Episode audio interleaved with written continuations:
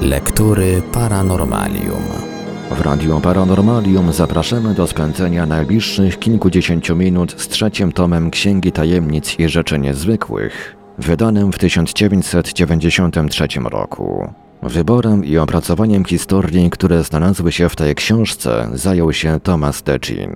Książka, którą z czystym sumieniem można polecić fascynatom tematyki paranormalnej oraz odbiorcom wychowanym na serialu z Archiwum X.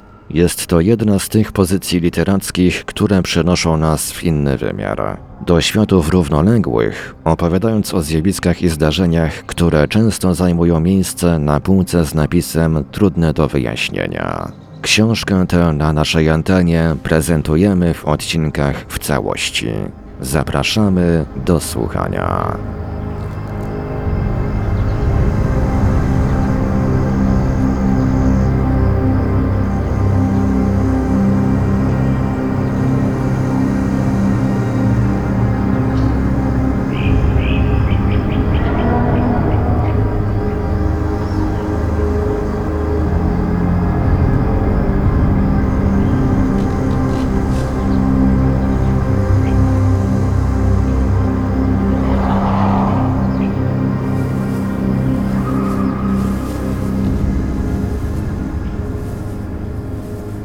Część piąta. Tajemnicze istoty.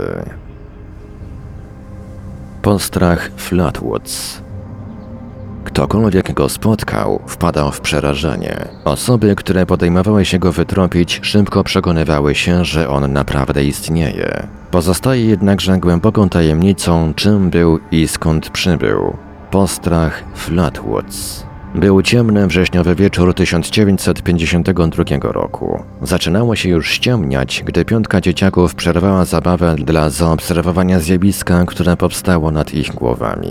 Iskrzący promieniście przedmiot w kształcie krążka wyraźnie widoczny był na niebie ponad górami. Przez moment kołysał się, następnie powoli ruszył naprzód i zaczął opadać w okolicy jednego ze szczytów, by w końcu osiąść pośród drzew. Czymkolwiek był tajemniczy przedmiot, pod żadnym względem nie kojarzył się chłopcom z samolotami, jakie wcześniej zdarzyło im się widzieć. Świadomi, że incydent miał z pewnością charakter nadzwyczajny, chłopcy rozpierzchli się do swych domów, by podzielić się nowiną z najbliższymi. Trzynastolatek Eddie May z młodszym o rok bratem Fredem pobiegli do domu, gdzie zastali matkę. Właścicielkę salonu kosmetycznego w maleńkim, bo liczącym zaledwie 300 mieszkańców miasteczku w zachodniej Virginii. Rozgorączkowani opisali matce coś, co wyglądało jak samolot albo latający talerz, a wylądowało na wzniesieniu nieopodal miasteczka. Pani May odniosła się do opowieści z niedowierzaniem. Sceptycyzm musiał jednak ustąpić, kiedy wyszła na dwór, by przekonać się na własne oczy, że oto w oddali, jakieś kilkaset metrów od ich domu, w okolicy szczytu majaczyło pulsujące czerwone światło. Także i na ziemi znajdowało się coś, o czym wspomniały dzieci.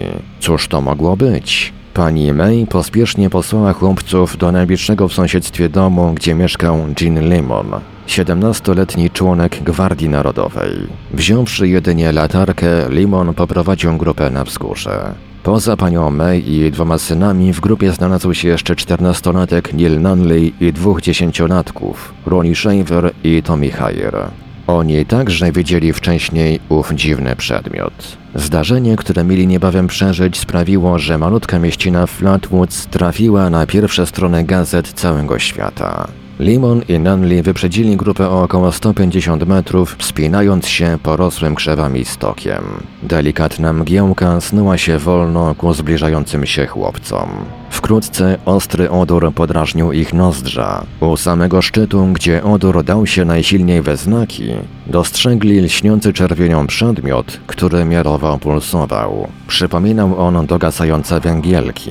Zapominając przez chwilę o spowijającym ich przykrym zapachu, Limon i Nunley podeszli do miejsca, z którego można było wyraźniej przyjrzeć się czerwonej masie.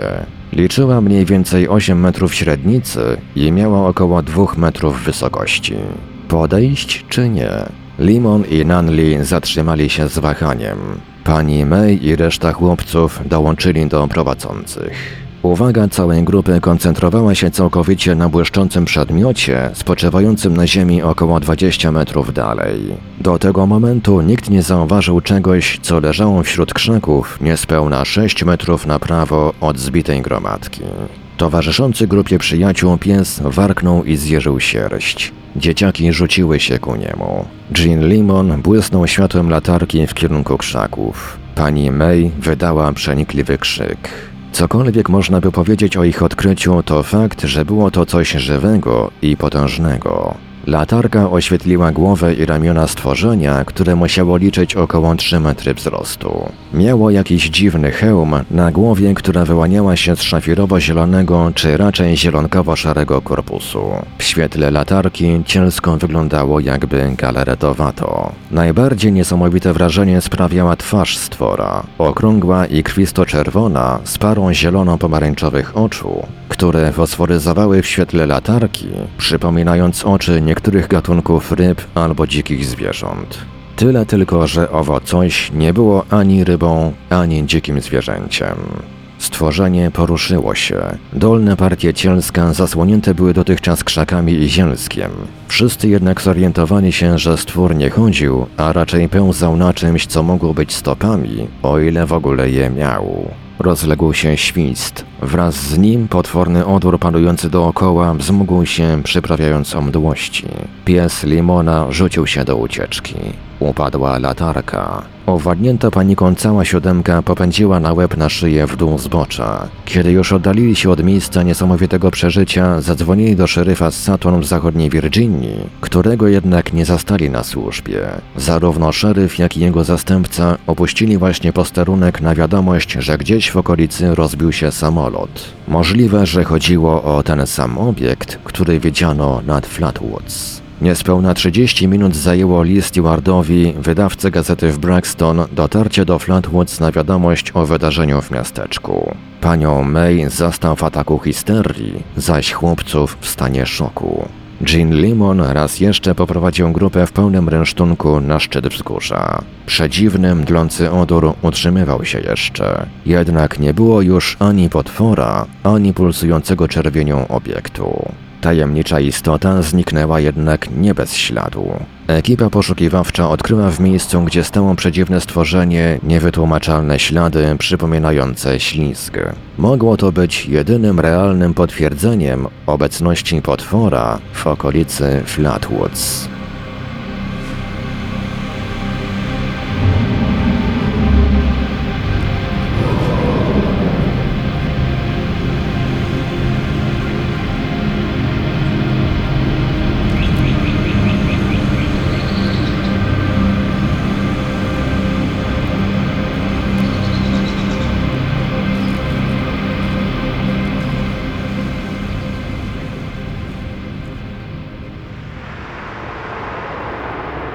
Lektury Paranormalium. Ludzie, zwierzęta.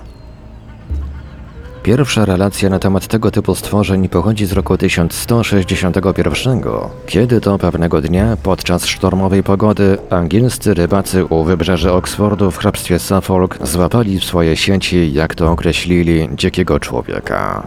Angielski historyk tamtych czasów, Ralph Skokshall, opisał to stworzenie słowami Wszystkie członki jego ciała przypominały ludzkie. Głowę pokrywały długie i gęste włosy, miał też długą szpiczastą brodę. Piersi stwora były porośnięte bujną i szorstką w dotyku szczeciną.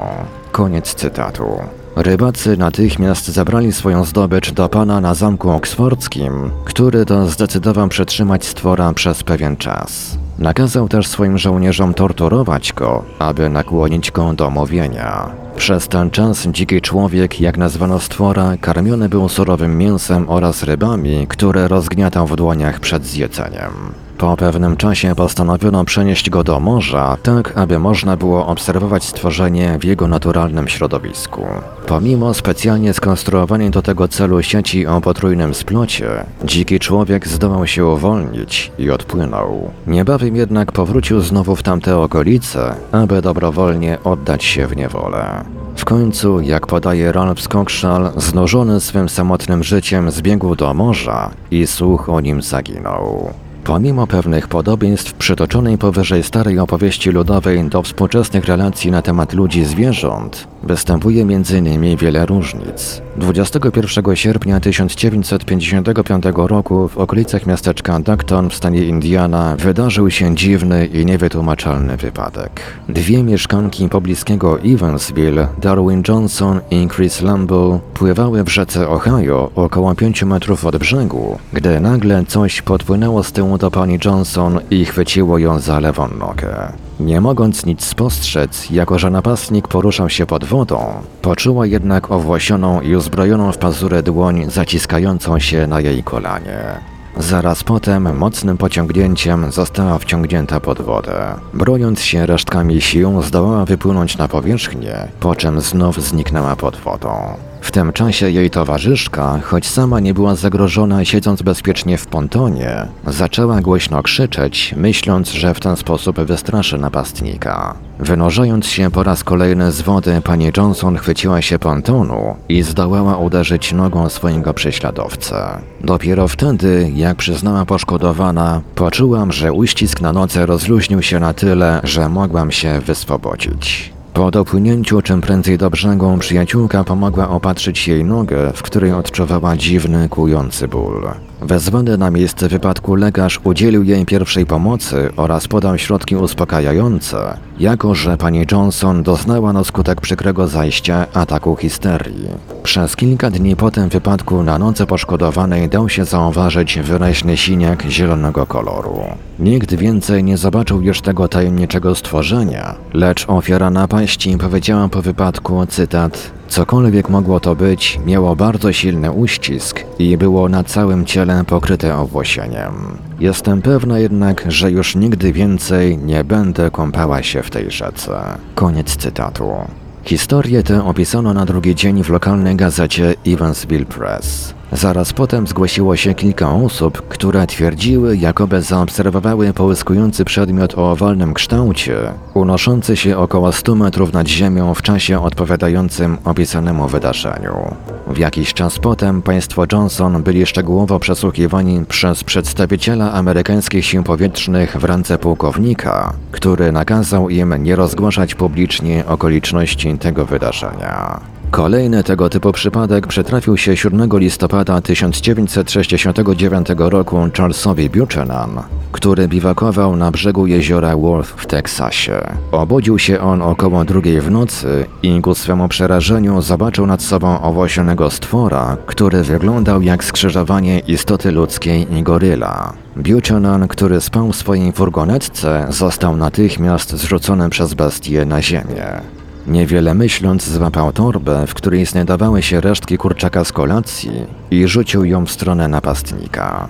Stworzenie pośpiesznie włożyło zawartość torby do pyska i wydając gwałtowne dźwięki oddaliło się w stronę rzeki.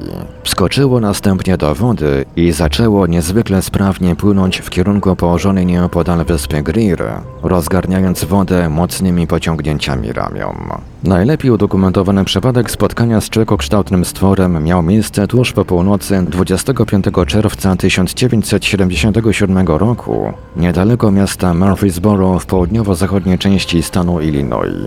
Randy Nitscham i Julie Johnson, których jacht zakotwiczony był w pobliskiej przystani, skąd można było dopłynąć rzeką do miasta, zostali nagle przerażeni niezwykłymi krzykami i wrzaskami dobiegającymi z pobliskiego lasu. Okrzyk ten, zgodzili się później, był kilka razy głośniejszy od tego, jaki wydaje dziki ryś amerykański, często występujący w tych okolicach. Ten wrzask jednak był w o wiele niższym tonie. Nagle oczom przerażonych ludzi ukazało się stworzenie, które niezdarnym krokiem na tylnych kończynach zbliżało się do nich, w dalszym ciągu wydając coraz bardziej potworne wrzaski o zmieniających się tonach. Nie był to z pewnością ludzki głos. Randy i Judy zgodnie opisali wygląd stworzenia. Miało ono około 7 stóp wysokości, natomiast krótka szczecina okrywająca całe jego ciało pokryta była szlamem i błotem. Kiedy odległość między ludźmi a stworem zmniejszyła się do około 7 metrów, Przerażona jego widokiem para czym prędzej oddaliła się i oboje pobiegli do pobliskiego posterunku policji w Murfreesboro. Mary Lindsay i Jimmy Na, oficerowie będący w tym czasie na służbie, udali się niezwłocznie na miejsce i jak stwierdzili w raporcie służbowym, odnaleźli odciski stóp pozostawione na grząskim podłożu. Wymiary tych śladów wynosiły w przybliżeniu 25 cm długości i 8 szerokości. Randy, jeden ze świadków spotkania ze stworem, opisał te ślady, twierdząc, że mógł pozostawić je ktoś, kto miał na sobie buty. Wiadomo jednak, że napotkane stworzenie nie nosiło butów. Natomiast odciski palców u stóp mogły nie pozostawić śladu na miękkim gruncie. O godzinie drugiej w nocy nasz Lindsay, Needham oraz zastępca szeryfa Bob Scott powrócili na to samo miejsce. Również i tym razem odkryli nowe ślady, które w dużym stopniu przypominały poprzednio opisane w raporcie. Były one jednak nieco mniejsze i głębiej odciśnięte. Policyjny raport stwierdził tym razem pewien zastanawiający szczegół. Rozmieszczenie odcisków stóp w błotnistym gruncie było dość dziwne, jako że nie znaleziono ani jednej pary śladów, która byłaby pozostawiona w jednakowej odległości jeden od drugiego. Niektóre oddalone były od siebie o półtora metra, a czasami można było znaleźć kilka tuż obok siebie. Kiedy Lindsay poszedł po aparat fotograficzny, aby utrwalić te ślady jako dowód, pozostała trójka mężczyzn podążyła za nimi. Kiedy byli pochyleni, aby móc dokładniej przyjrzeć się odciskom stóp, dobiegł do nich najbardziej niesamowity i okropny wrzask, jaki kiedykolwiek słyszeli, jak określił to później Nash. Prawdopodobnie stwór ukryty był w pobliskich drzewach, oddalonych nie więcej niż 100 metrów od ludzi. Po krótkim namyśle postanowiono wycofać się do samochodu policyjnego. Po kilku godzinach dobiegł ich odgłos jakby rozpryskiwanej wody. W ciągu dnia nie odnaleziono już więcej śladów, lecz wraz z nastaniem zmroku stwór znów powrócił. Pierwszą osobą, która go ujrzała tego wieczoru, był czteroletni Christian Beryl, który powiedział swoim rodzicom, że zobaczył białego ducha przed domem. Naturalnie nikt nie dał wiary jego słowom, lecz około 10 minut później, kiedy Randy Chris i Cheryl Ray zobaczyli w tym samym miejscu postać podobną do tej opisanej przez Malca, rodzice chłopca i policja szybko zmienili zdanie. Około godziny 22.30 Randy i Cheryl siedzieli na werandzie z tyłu domu Cheryl, gdy usłyszeli, jakby coś przedzierało się przez drzewa rosnące za wysoką trawą. Oczom ich ukazał się stwór, który wyszedł już z ukrycia i patrzył teraz na nich świecącymi różowymi oczami. W rozmowie Cheryl podkreślała, że oczy potwora świeciły własnym, a nie odbitym światłem, jako że dookoła panowała ciemność i w związku z tym nic nie mogło wywołać efektu odbicia światła w oczach stworzenia. Był to prawdopodobnie ten sam lub bardzo podobny stwór do tego, jakiego poprzedniej nocy napotkali Randy i Judy. Był jasnego koloru, lecz o przybrodzonym owłosieniu na całym ciele. Waga tej istoty mogła dochodzić do 150 kg, a w postawie wyprostowanej mógł mierzyć ponad 2 metry wysokości. Miał również dużą, okrągłą głowę. Cheryl sugerowała, że ramiona stwora mogły mieć podobną długość jak u małpy czokokształtnej, jako że stwór stał w trawie sięgającej mu do pasa. Randy zbliżył się nieco, aby dokładniej móc przyjrzeć się postaci, natomiast Cheryl weszła do domu, aby zapalić światło na werandzie. Nie było ono jednak na tyle jasne, aby móc zobaczyć coś więcej niż poprzednio. W końcu po pewnym czasie stwór oddalił się i zniknął wśród drzew, czyniąc przy tym dość znaczny hałas. Jakiś czas później, gdy przeszukiwano to miejsce, odkryto ślady przegniecionych i podeptanych chwastów oraz połamanych krzaków. Były również ślady pozostawione na ziemi, chociaż zbyt słabe, aby móc zrobić z nich gipsowe odlewy. Matka Cheryl, pani Harry Ray, zadzwoniła po policję i w czasie, gdy wszyscy czekali na ich przybycie, poczuli dobiegający ich niezwykle silny odór, który przypominał ścieki. Przykry zapach utrzymywał się jeszcze przez pewien czas, a wkrótce oficerowie Nash i Ronald Manwaring zatrzymali się przed domem państwa Ray.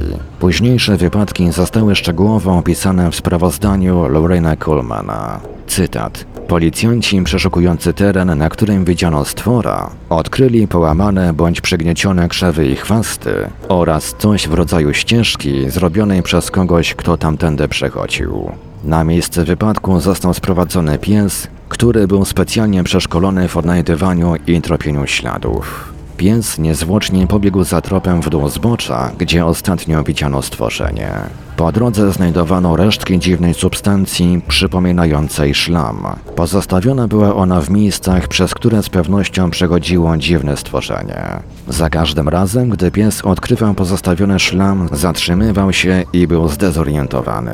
Przewodnik psa, Jerry Nellis, stwierdził rozcierając dziwną maść w dłoni, że jest ona czarna i pozostawia takie same plamy na skórze. Kiedy policjanci zeszli już ze zbocza, podążyli dalej dookoła pobliskiego stawu, aż do położonej nieco na południe gęsto zalesionej skarpy, w które to miejsce próbował pójść pies. Ponieważ okolica była bardzo trudna do tropienia, Nellis wraz z psem wrócili do samochodu policyjnego, natomiast pozostali ludzie za pomocą latarek przeszukali dokładnie cały teren. Oficer Nash i Jerry Nellis wraz z psem podążyli następnie dalej w kierunku południowym, zaczynając od miejsca, gdzie przerwano poszukiwania. Był to teren położony na końcu drogi prowadzącej na zachód za skrętem w drogę Westwood Hills. Byli około kilometra na południe od stawu za Westwood Lane. Nellis i pies zaczęli ponownie przeszukiwać okolice, aby sprawdzić, czy pies na nowo podejmie trop.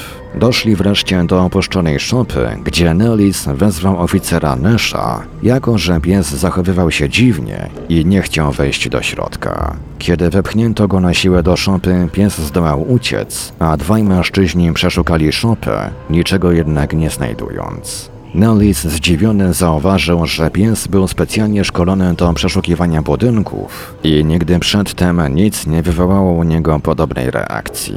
Nie potrafiono znaleźć logicznego i zadowalającego wyjaśnienia, dlaczego pies nie chciał wejść do środka, ani czego się przestraszył. Pozostali oficerowie kontynuowali poszukiwania, lecz nie mogli już odnaleźć śladów tajemniczego stworzenia. Koniec cytatu. Doniesienia o pojawieniu się potwora z Murfreesboro zanotowano jeszcze dwa razy w roku 1973.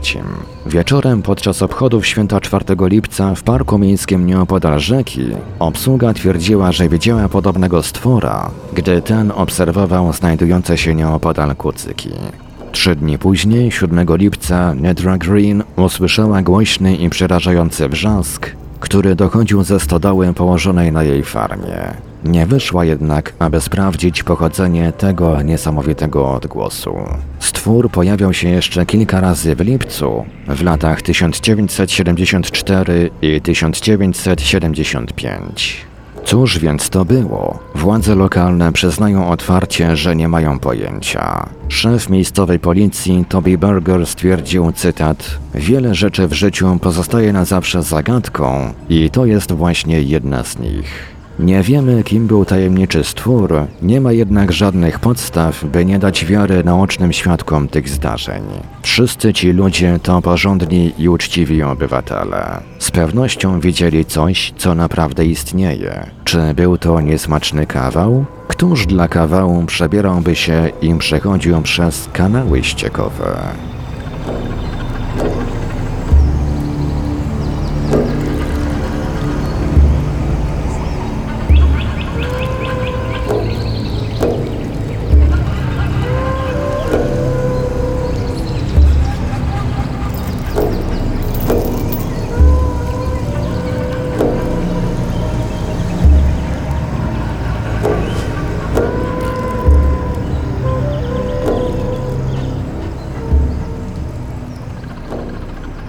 Radiu Paranormalium zaprezentowaliśmy fragment książki Tomasa Dagina Księga Tajemnic 3. Dalszy ciąg w kolejnym odcinku Lektur Paranormalium. Archiwalne odcinki Lektur Paranormalium znajdziesz do pobrania w archiwum naszego radia na stronie www.paranormalium.pl.